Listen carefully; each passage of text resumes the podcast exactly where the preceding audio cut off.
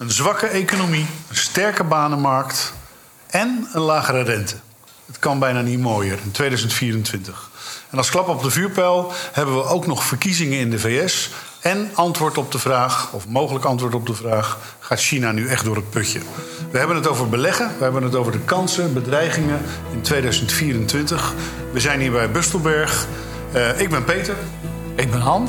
Ik ben Marijn. En we gaan er een, eh, een feestje van maken.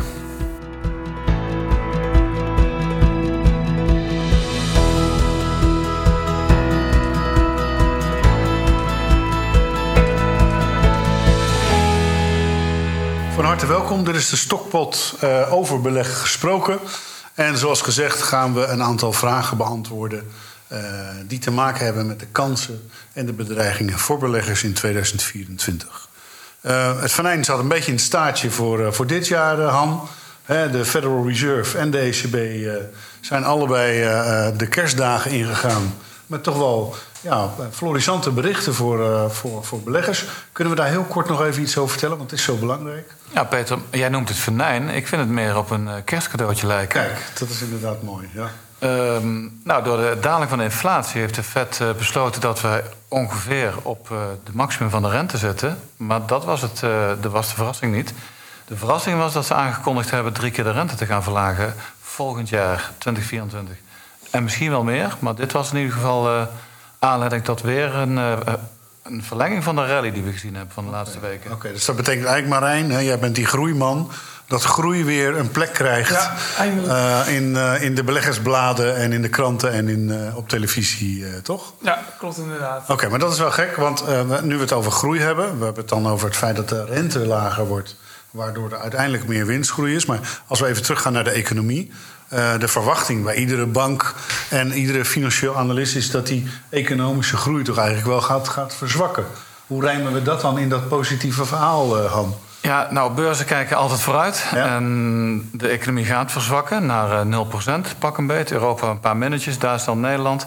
Maar dat is niet erg, omdat die rente alweer vooruit kijkt. En de beurs ook. Als de rente gaat dalen, gaan de waarden van alle activa omhoog. Oké, dus eigenlijk is de Federal Reserve een beetje aan de touwtjes aan het trekken. En de ECB trekt ook aan de touwtjes. Waardoor die zwakke economie, wat uiteindelijk eigenlijk best wel serieus is, toch ineens minder erg wordt. Begrijp ik het goed? Ja, en uh, het oude adagium, don't fight the Fed, komt Nee. weer terug. Ja, dat klopt. Ja. Ehm, even terug, uh, want we zitten nog steeds niet in 2024.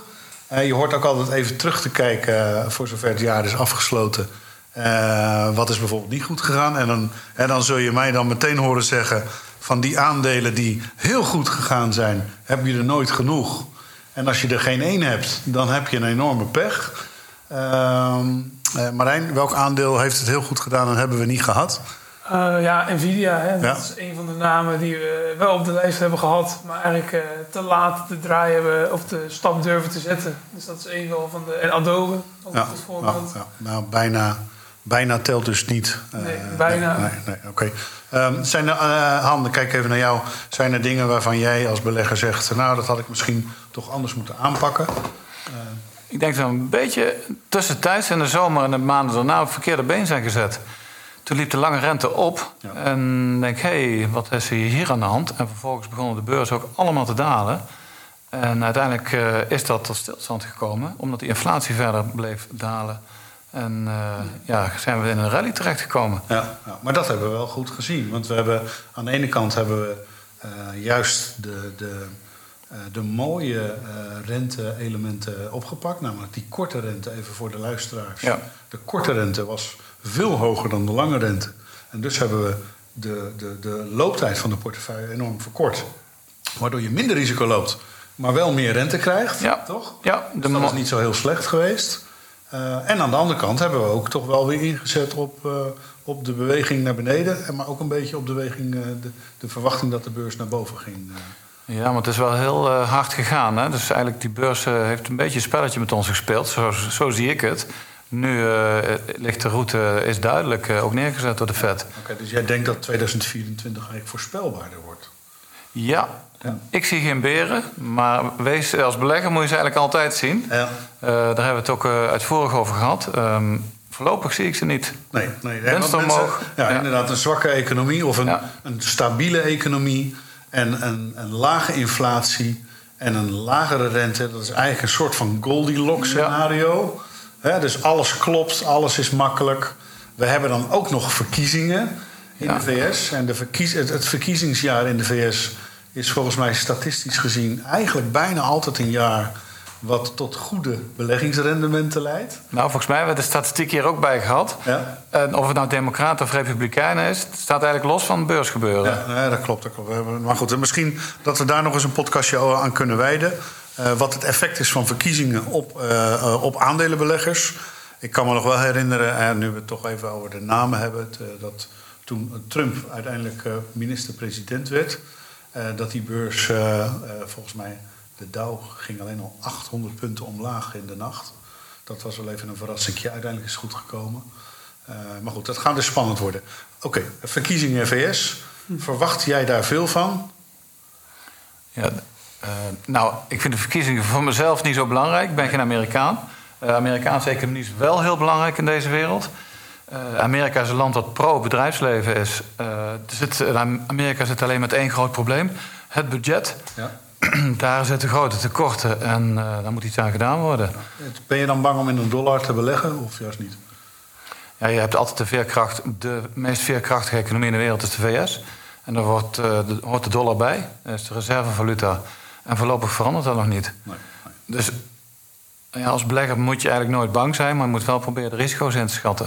Ja. Ehm, ja, de budget moet eh, naar, eh, het liefst naar een evenwicht toe. Dat zal niet lukken in een jaar. Dat is een beetje een omzichtiaans, eh omzichtiaanse benadering van de vraag... wat vind je van de verkiezingen in de VS? Hè? Want jij zegt eigenlijk eh, tussen de regels door... maakt me niet zoveel uit wie de president wordt... of welke partij het land gaat leiden. Ik vind het eigenlijk belangrijker dat ze iets gaan doen... aan hun eigen eh, huishoudboekje, Ja. aan hun eigen Ja. balansen. Ik heb ooit de tijd van Clinton nog meegemaakt. Dat is een van de laatste presidenten die dat eh, begrotingstekort in evenwicht heeft gekregen. En dat was heel gunstig voor de beurzen. Ja, oké, oké, duidelijk. En Marijn, hou jij je daar ook mee bezig? Of ben jij meer bezig met het feit van nou, als, als de Republikeinen president, eh, een president gaan aanleveren, dan moeten we misschien wat minder in tech en misschien wat meer in gezondheidszorg en eh, olie en gas. Hoe, zie jij dat? Nee, eigenlijk ben ik het vrijwel met Han eens. Ehm, uiteindelijk maakt het niet uit wie nou de president is. En volgens mij maakt het ook eigenlijk niet uit of het nou een democrat of een republikein is geweest qua- voor de beurs. Het is allemaal korte termijn, eh, ja, wordt er dan gespeculeerd. Hè, van, eh, je had het ook twee jaar geleden dat met Trump. Dan was toen Ja. het idee, als Biden president wordt, dan zal er veel meer naar infrastructuur gaan. Hè, met die eh, gescholen energie. Maar uiteindelijk onder Trump is het ook gewoon eh, heel goed gegaan. Dan heb je natuurlijk heel die hype gehad. Dus uiteindelijk maakt het van... Ik kijk er in ieder geval niet naar. Nee. Maakt het vrij weinig uit. Nee, nee. Hey, als je mij dus even teruggaat naar die andere vraag, je- nu je het hebt over die hypes. Ehm, mijn misser is natuurlijk wel geweest dat waterstof. Hè? Eh, als je de krant opensloeg, als je iedere internetpagina op het journaal, het ging allemaal over waterstof, dat gaat het worden. Nou, daar hebben we ook wel even op ingezet. Door daar goed over na te denken, een hele goede trekker voor te kiezen. En uiteindelijk is dat, eh, is dat toch een verhaal geworden wat misschien ooit eens uit zal komen.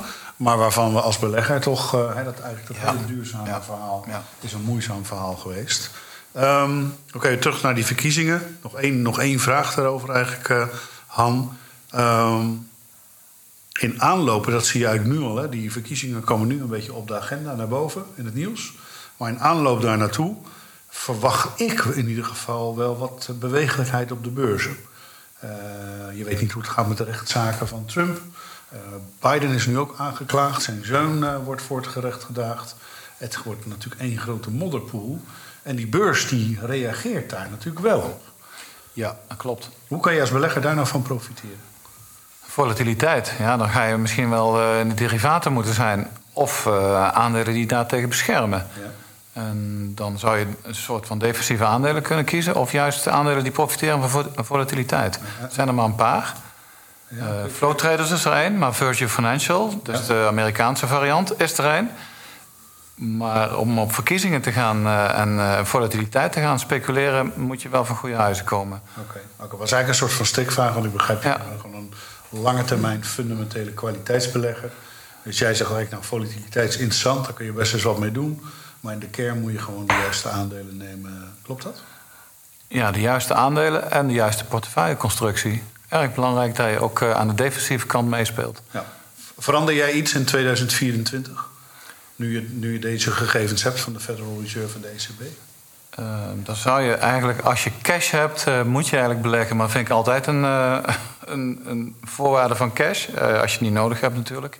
ga beleggen en bij voorkeur aandelen. Ja, ja, ja. Marijn, even die vraag ook aan, aan jou stellende. er komt volatiliteit, tenminste dat is ook een beetje de verwachting. Ja. Hoe, kun je, hoe, kun je, hoe zou jij ervan willen profiteren? Ik denk eigenlijk dat juist weer de bedrijven die dus de groei of de winst in de toekomst hebben liggen, die bedrijven worden met een lagere rente eh, weer een stuk aantrekkelijker. Zoals, zoals Han zei, eh, de waarde uit de toekomst die worden verdisconteerd tegen die eh, hoge rente, die wordt lager, dus die bedrijven worden vanzelf meer waard. en ik denk daarentegen bedrijven die eigenlijk afgelopen tijd tijdens de soort van recessie het heel goed hebben gedaan, dus ook waar de winstgroei gewoon door is gegaan dat die kwaliteitsondernemingen, dat, dat daar nogal wat ruimte is om uh, door te groeien. Ja, maar we weten ook, uh, ik snap je verhaal, we weten ook dat als de volatiliteit toeneemt, dat die belegger tijdelijk even niet meer nadenkt, even plat gezegd, maar dat hij dat ook uh, koersen van goede kwaliteitsbedrijven ook naar beneden gaan. Is dat dan niet een manier om daarvan te profiteren? ik, bedoel, ik heb nog wel een wensenlijstje. Ja. Uh, als je het mij vraagt, zou ik best wel wat aandelen willen hebben. Ja, Hoe zie jij dat? Ja, nou precies. Ik, uh, voor mij hetzelfde. Uiteindelijk, uh, we hebben heel veel aandelen die we eigenlijk willen hebben nu. maar we die bijvoorbeeld net te duur vinden. Zoals inderdaad door die korte termijn volatiliteit er bijvoorbeeld 10% af zou gaan. Ja, dan kunnen we die zeker oppikken. Oké, oké. Nou, prima. Het is leuk om te horen dat jullie beide wel uh, op een andere manier die markt uh, benaderen. heel goed. Even um, dan nog een pijnpuntje van 2023. Hè, nou, we hebben het een keer over China gehad. Het beloofde land, de grootste economie ter wereld. Ook machtig in politiek, in maatschappij, in de nieuwe ontwikkelingen, hè, de technologische ontwikkelingen. Nou, dat is in 2023 toch eigenlijk wel heel erg snel gekanteld. Uh, er is geen chip meer te krijgen in, uh, in China. Han, wat is jouw gedachte daarover? Nou ja, China is groot en belangrijk. Alleen voor beleggers een, een teleurstelling. Eigenlijk al best wel lang. En dat heeft onder andere te maken met... ja, je hebt een communistisch regime... in combinatie met een kapitalistische maatschappij. Hoe ga je dit rijmen? Ja. als CEO's worden opgepakt en een aantal maanden verdwijnen maar ook een enorme schuldenfinanciering in het vastgoed zit. Daar is de pijn eh, begonnen.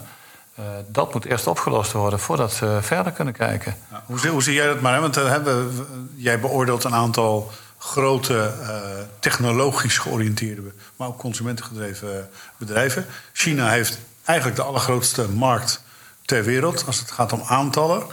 Um, jij kijkt naar die bedrijven, hoe zie jij daar die ontwikkelingen, wat Han zegt? Ja, ja, we hebben natuurlijk een tijdje die crackdown gehad, om het zo maar te zeggen. Dus dat die strenge regulering voor die techbedrijven, dus Tencent, Alibaba, Baidu. Nou, dat ging op een gegeven moment over inderdaad naar uh, hele rare praktijken dat er CEO's verdwenen. En daar zijn alleen maar dingen bijgekomen. Nu is het chips die niet meer gebruikt mogen worden. Dus chips van Nvidia die nodig zijn voor je, voor je cloud computing, voor je datacenters. Die komen China niet meer binnen. Dus ook los van het geopolitiek zijn er ook gewoon uh, bij de bedrijven zelf echt wel serieuze beren op de weg. Ja. Die er eigenlijk uh, per jaar bij zijn gekomen. Ja, maar een oude beurswijsheid zegt: aan de rand van de afgrond. Gooi je de mooiste bloemen. Ja, jij maakt hem af, Han. Uh, zou het niet kunnen zijn dat 2024 we allemaal, dat is in 2023, de verkeerde kant op lopen. En dat de, hè, de waardering van die grote Chinese ondernemingen, ja. uh, die, die nu echt extreem goedkoop is, dat dat misschien wel eens een hele leuke kans kan gaan zijn? Of ja. denk jij er nog steeds over van, nou, blijf ver weg, want het zijn communisten? Nee, sluit het nooit uit. Hou je blik uh, breed en open. um, maar als je een vergelijkbaar alternatief hebt in het Westen, gaat mijn voorkeur uit naar het Westen. Okay. We hebben hetzelfde verhaal, nou, hetzelfde verhaal, dat mag je niet helemaal zeggen. We hebben ooit Griekenland gehad als uh, speel van de economische crisis 2008. Ja. Uh, de jaren daarna is de Griekse beurs heeft het wel erg goed gedaan. Ja, en ook Griekenland is inmiddels ja. een van de favoriete vakantielanden weer. En de begroting in evenwicht. want daar zat het uh, probleem. Dus de, uh, de credit rating van Amerika gaat omlaag. En eigenlijk in dezelfde week zie je het bericht dat de creditrating van Griekenland omhoog gaat. hè. Dus eh, dat is ook iets voor beleggers, is dat beleggers natuurlijk wel in de gaten moeten hebben dat het eigenlijk nooit of niet altijd zo gaat als dat je verwacht. Nee, je kunt heel veel voorspellen en eh, er zit altijd iets tussendoor. Toch worden we hier wel voor betaald. Hè? Dus we moeten het serieus blijven aanpakken. En we moeten ook serieus blijven nadenken en onze mening geven over wat, wat die kansen en waar de bedreigingen ook liggen in 2024. Ehm eh, Marijn, kijk even naar jou. Ja. Waar ligt volgens jou de grootste kans voor een aandelenbelegger? Ik denk dat AI blijft eh, een- nog steeds dezelfde trend die zal zich door blijven zetten. Dat Ja. zal voor de komende jaren zo zijn. Ik denk dat je daar sowieso goed zit, los van wat de economie doet. Omdat daar is zoveel ja, eh, nog ontwikkelingen en vraag in die markt. Die hele markt is nog heel erg groeiende. Dus daar zal nog genoeg te verdienen zijn de, de komende jaren. Eh, en ik denk wel China. eh, we hebben heel lang moeten wachten op herstel. Het, eigenlijk is het in 2023 niet uitgekomen, terwijl we toen eigenlijk al hadden verwacht dat er eigenlijk herstel zou komen. Ja, hopelijk dat het nu wel eh, doorkomt eigenlijk. Dus ik denk nog steeds, als je het waarderingstechnisch kijkt, dat China is heel aantrekkelijk. Ja. Eh, historisch lage waarderingen. Ehm, en onderliggend doen die bedrijven het niet slecht. Nee. Dus er zijn wel wat beren op de weg. Maar ik denk, net zoals dat jij zegt, daar komen ze wel uit. Eh, dus is het misschien een beetje de meta van 2022? Dat zou heel goed kunnen. Ja, dat zou kunnen. Dat zou, eh, toen leek het ook alsof Meta van de afgrond zou eh, afvallen. Nou, als we kijken waar Meta vandaag de dag staat, is dat toch even anders uitgevallen. Ja. Dus ja, ik denk dat je in China nog steeds wel eh, de kans hebt dat die echt niet opeens, die bedrijven gaan niet allemaal verdwijnen.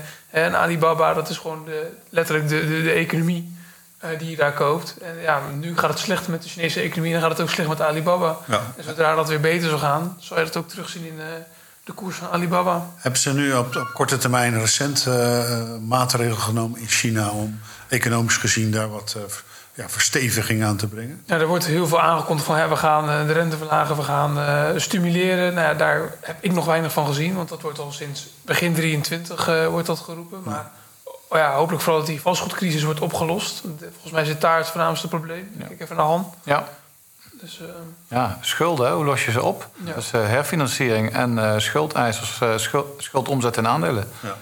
Dat zijn de bekende wegen. kennen we inderdaad ook wel Ja. in het Westen. en het Ja. vertrouwen van de buitenlandse beleggers. Hè. Natuurlijk, iedereen is eigenlijk China ontrokken, voornamelijk de Amerikanen. Ja, ja dat, dat zie je in, de- in die laatste weken van december zie je dat is dat die aandelen die lijken helemaal ongevoelig voor het nieuws wat er is, ook voor de maatregelen die worden aangekondigd. Ehm, ook hoorde laatst een collega zeggen die zei van joh, het zou me niks verbazen als mensen eh, aan het windowdressen zijn en dat die slecht eh, gedraaide posities uit de portefeuilles worden gehaald om zo de minnetjes weg te werken. Dat kan natuurlijk ook weer een kans zijn, eh Han. Eh, absoluut. Eh dat is momentum aan twee kanten. De Ja. plussen worden hoog, groter en de, de minnen worden... heeft ook fiscaal nog een eh, reden. Eh, je kunt daar fiscale verliezen verrekenen. Eh, dus je neemt gewoon je verlies en dat wordt dan verrekend met je 401k, je inkomstenbelastingen. Dus het wordt nog fiscaal gestimuleerd ook nog om eh, de verliezers te verkopen. Ja, Ja. oké. Wa- Waar liggen volgens jou aan eh, eh, de, de, de, de grootste kans of de kansen? Eh, Ja, en als eerste natuurlijk aandelen. Eh, als tweede, dan heeft met die rente te maken, ja, dan met een technische term long duration assets. Hoe langer, eh, hoe gevoeliger aandelen of obligaties zijn voor rente, hoe meer kans je krijgt op eh, koersstijging. ja, En dan zit je met name in die groeisectoren. ja, Hebben natuurlijk al een voorproefje van gehad hè, de laatste weken. Het is al heel hard gegaan. ja.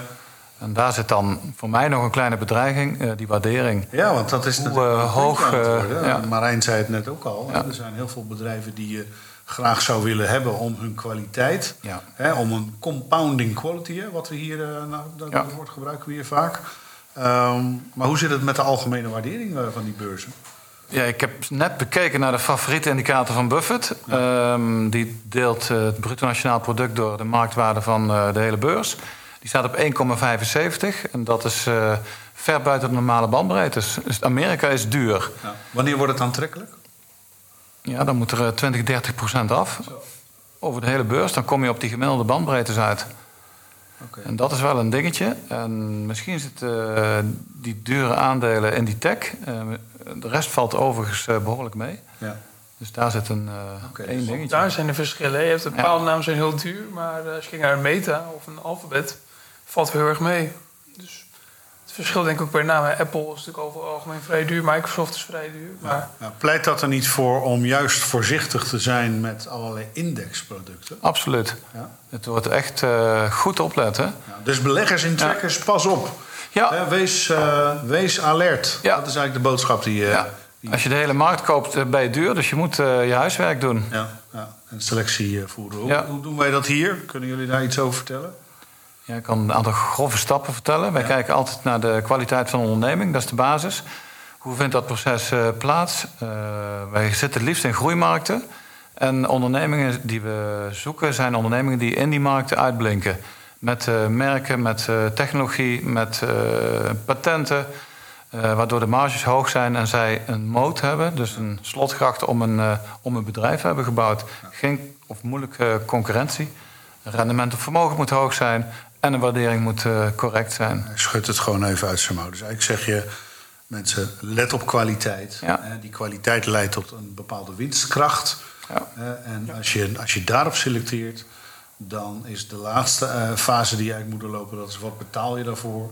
Maar eigenlijk hoor ik je ook zeggen, dat komt dan wel goed. Daar ben je geruster over dan wanneer je gaat speculeren op bedrijven die misschien wat goedkoper zijn. Ja. Maar waarbij de kwaliteit ook minder is, of de concurrentie hoger, of bedrijven die hun prijzen moeten verlagen, of hun balans niet helemaal op orde hebben, eh, of waar wat mee is. Klopt dat? Eh, dat klopt. Dan ga ik quoten met, eh, op onze Charlie Mun- Munger, die ons We ontvallen zijn, is. we zijn dol op quotes. Wacht even, Han. Nou, Charlie Munger is better eh, select eh, a good company at a fair price than a fair company at a good price. Dus wat Munger en Buffett heeft geleerd is... kijk niet alleen naar de waardering. Zorg dat die kwaliteit goed is. En dan noemt hij het Sustainable Competitive Advantage.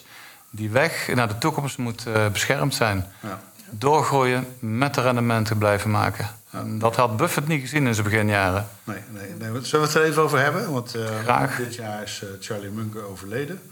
Eh, net geen 100 geworden. Ja. Het is eigenlijk wel gek voor iemand die heel veel heeft bereikt. Dat hij uiteindelijk net geen 100 wordt. Maar het, wat jij zei, ik zie hem een beetje als de rendementsversneller van Warren Buffett. Die, die eigenlijk een, een beter verhaal had, een mooier verhaal had. En daardoor wat vaker ook op de voorgrond trad. Maar ik denk wel dat ergens in de geschiedenis die twee zijn tegengekomen. En dat ze eh, zonder elkaar misschien minder hadden bereikt dan nu met elkaar. Wat jij zegt. Ja. is eigenlijk eh, de, de, hoe noem je dat? De, de vinger op de, niet op de zere plek, maar de vinger op de rake plek, omdat hij ervoor heeft gezorgd dat dit een heel groot succes is geworden. Met Ja. zijn kant van het verhaal. Ja, de wisselwerking, hè? Beetje de Waldorf en Stettler van de beleggingswereld. Want eh, ze hebben, zijn heel eigenwijs en ze hebben vaak eh, gelijk. Ja. En ze letten op kwaliteit. Maar ze hebben nog een bijzondere eigenschap. Omdat ze zoveel kapitaal hebben inmiddels, kunnen zij wachten op kansen. En dan slaan ze ook wel een eh, slag. In de 2008-crisis, als mensen bij hun aankomen kloppen... of ze alsjeblieft gered kunnen worden... kun je bijna elke deal sluiten die je wilt. Ja. Goldman Sachs denk ik dan aan. Maar ook andere partijen. Ja, inderdaad. Ze hebben inderdaad die bankencrisis. Volgens mij hebben ze City ook eh, redelijk gered met een eh, behoorlijke injectie. Ja, eh, mensen, het zal u niet verbazen, is dat wij grote aanhangers, liefhebbers en ook wel bewonderaars zijn van Warren Buffett en Charlie Munger, het value beleggen. En dan inderdaad gewoon quality of quality compounding strategieën. Eh, daar kunnen we urenlang over praten. We zullen u Ja. er niet verder mee bemoeien, eh, vermoeien. Maar eh, misschien ook wel leuk om te vragen hoe de nieuwe generatie daar, daarin zit. Marijn? Nou ja, ik denk... ehm, ik ben ook wel een aardige reis heb ik doorgemaakt de afgelopen jaren. Je begint voornamelijk met... eh, nou, waarderen boeien hoeft niet. Ik koop Nee. gewoon niet wat... eh, Leuk klinkt. Ja, klinkt leuk. Ja, Nee, ja, ja. Niet zo. Sexy klinkt Ja. het. stijgt. Nee, ja, niet zo erg was het, maar dat, dat gebeurt ook heel veel. Ja. Eh, en op een gegeven moment eh, ja, kom je dan achter dat dat werkt niet. Nee. Dus dan eh, kom je eigenlijk terug op dat kwaliteitsverhaal. En het tegen een goede prijs kopen. Dat zijn ook wel fouten die heel veel mensen maken. Dan kopen ze een goed aandeel, maar veel te duur. Dus uiteindelijk als je echt de tijd hebt, maakt het vaak niet uit hoe duur je het koopt. Maar als je een beetje op de, zeg binnen vijf jaar rendement wil halen, is een prijs ook heel belangrijk. Ja, nou, oké. Nou, mooi dat je dat deelt. Ehm, even, even terug, laten we het even compact maken. Ehm, beleggen in aandelen, zeker. Maar wel streven naar kwalitatieve aandelen. Dus doe je huiswerk. Pas op met het zomaar beleggen in trackers omdat ze het goed hebben gedaan. Want dan koop je misschien tegen iets tegen een te dure prijs. Ook voor aandelen. Eh, dus blijf selecteren en, en, en, wees kritisch op wat je, wat je kiest. Marijn zegt zelfs van nou, uh, ga voor groei. Dat zegt Han trouwens ook. Uh, en, en, en ik wil misschien ook nog wel wat in AI beleggen. Hè, want dat is een trend die er misschien wel voor gaat zorgen dat ook in 2024 een aantal van die bedrijven veel meer gaan verdienen. Het is goed voor de economie, maar het is met name goed voor een aantal bedrijven. En Marijn zegt ook, als het om uh, aandelen gaat, ja, zou ik toch nog eens even goed kijken naar China. Uh, want dat, uh, dat, dat vinden we misschien nu niet prettig. Maar de waarderingen zijn daar inmiddels zo goedkoop dat het misschien wel aantrekkelijk is. Um, dan toch nog even naar um, de andere kant van die beleggingsportefeuille. Oh, in, in, oktober was het zo mooi. Hè? We konden weer in rente beleggen. Nou, we zijn nu twee maanden verder. En dat is, is dat nu een ander verhaal? Of kunnen we nog steeds wel een beetje in rente beleggen? Nee, ik vind het een zegen dat er gewoon weer rente is in de wereld. Ja, Of die nou drie of vier of vijf uh, is, maakt niet zoveel uit. Uh, ja, rendement moet afgewogen worden ook tegen de kosten van het kapitaal. Pensioenfondsen kunnen ook weer gewoon uh, normale pensioenafdrachten beleggen tegen vastrente de producten. spaargeld wordt weer voor een deel betaald door banken. rente is gewoon echt nodig om ja, gratis geld die tijd hebben gehad misschien zakt de rente nog iets, maar het is nog steeds prettig dat hij er is. Ja, dus als portfolio manager zeg je heel, mensen, heel fijn, want je kunt nu, maar zeggen, voor de helft ook je vermogen weer in, in obligaties en vastrente de waarde gaan beleggen. Ja, ja, dan is er ja. wat te halen. heb je nog een bepaalde strategie? Wil je kort zitten, lang zitten, bepaalde landen of bepaalde soorten obligaties?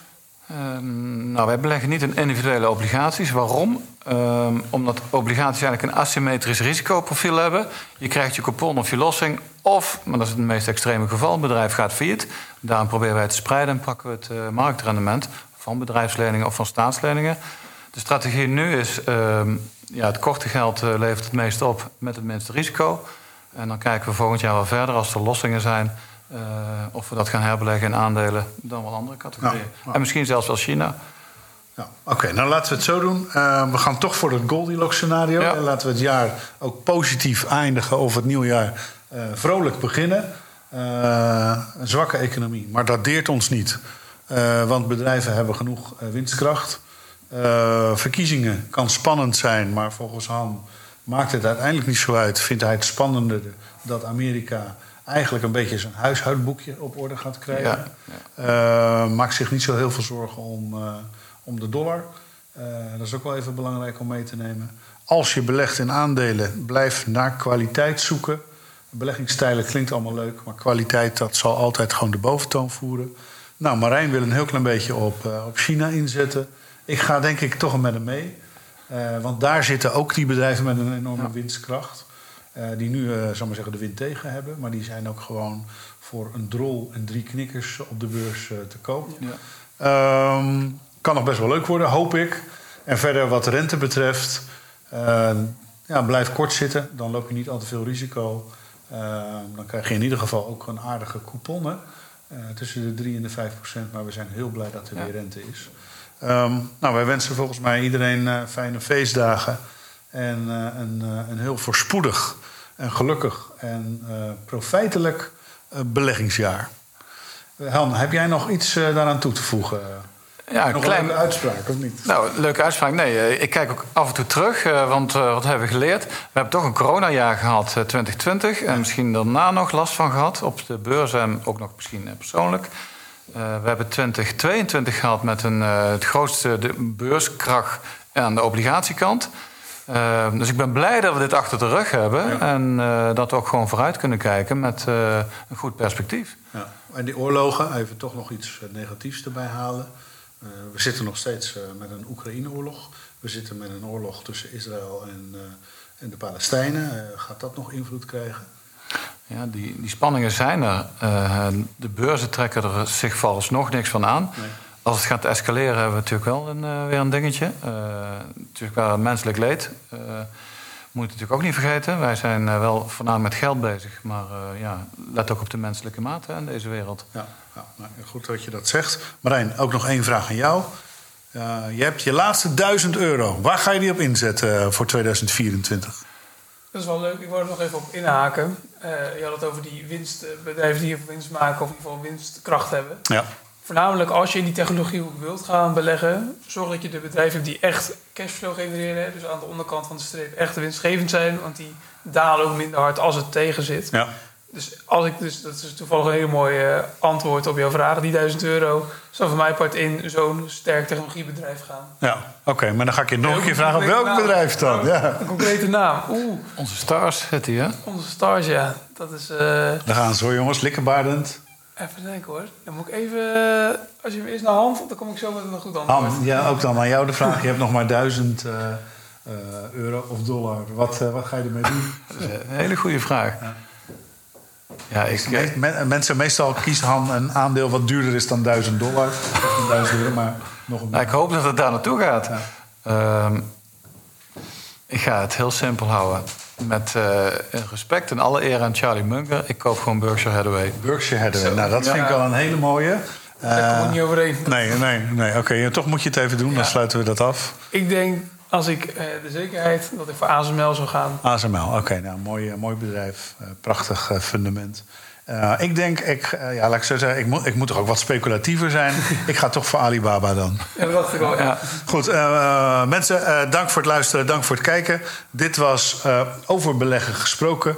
We zitten hier bij Bustelberg. We zijn klaar voor eh, de feestdagen en zeker klaar voor het nieuwe jaar. En we spreken elkaar hopelijk binnenkort. Als je nog eh, wat meer informatie wil, kijk naar www.bustelberg.nl of eh, zoek ons op op het internet. We zijn telefonisch en per e-mail ook gewoon te bereiken voor vragen, voor onderwerpen. Eh, stel het gerust aan Han, aan Marijn of aan eh, Peter. Hartelijk goed. Deze podcast is geen aanbod, beleggingsadvies of financiële dienst. De waarde van beleggingen kan fluctueren.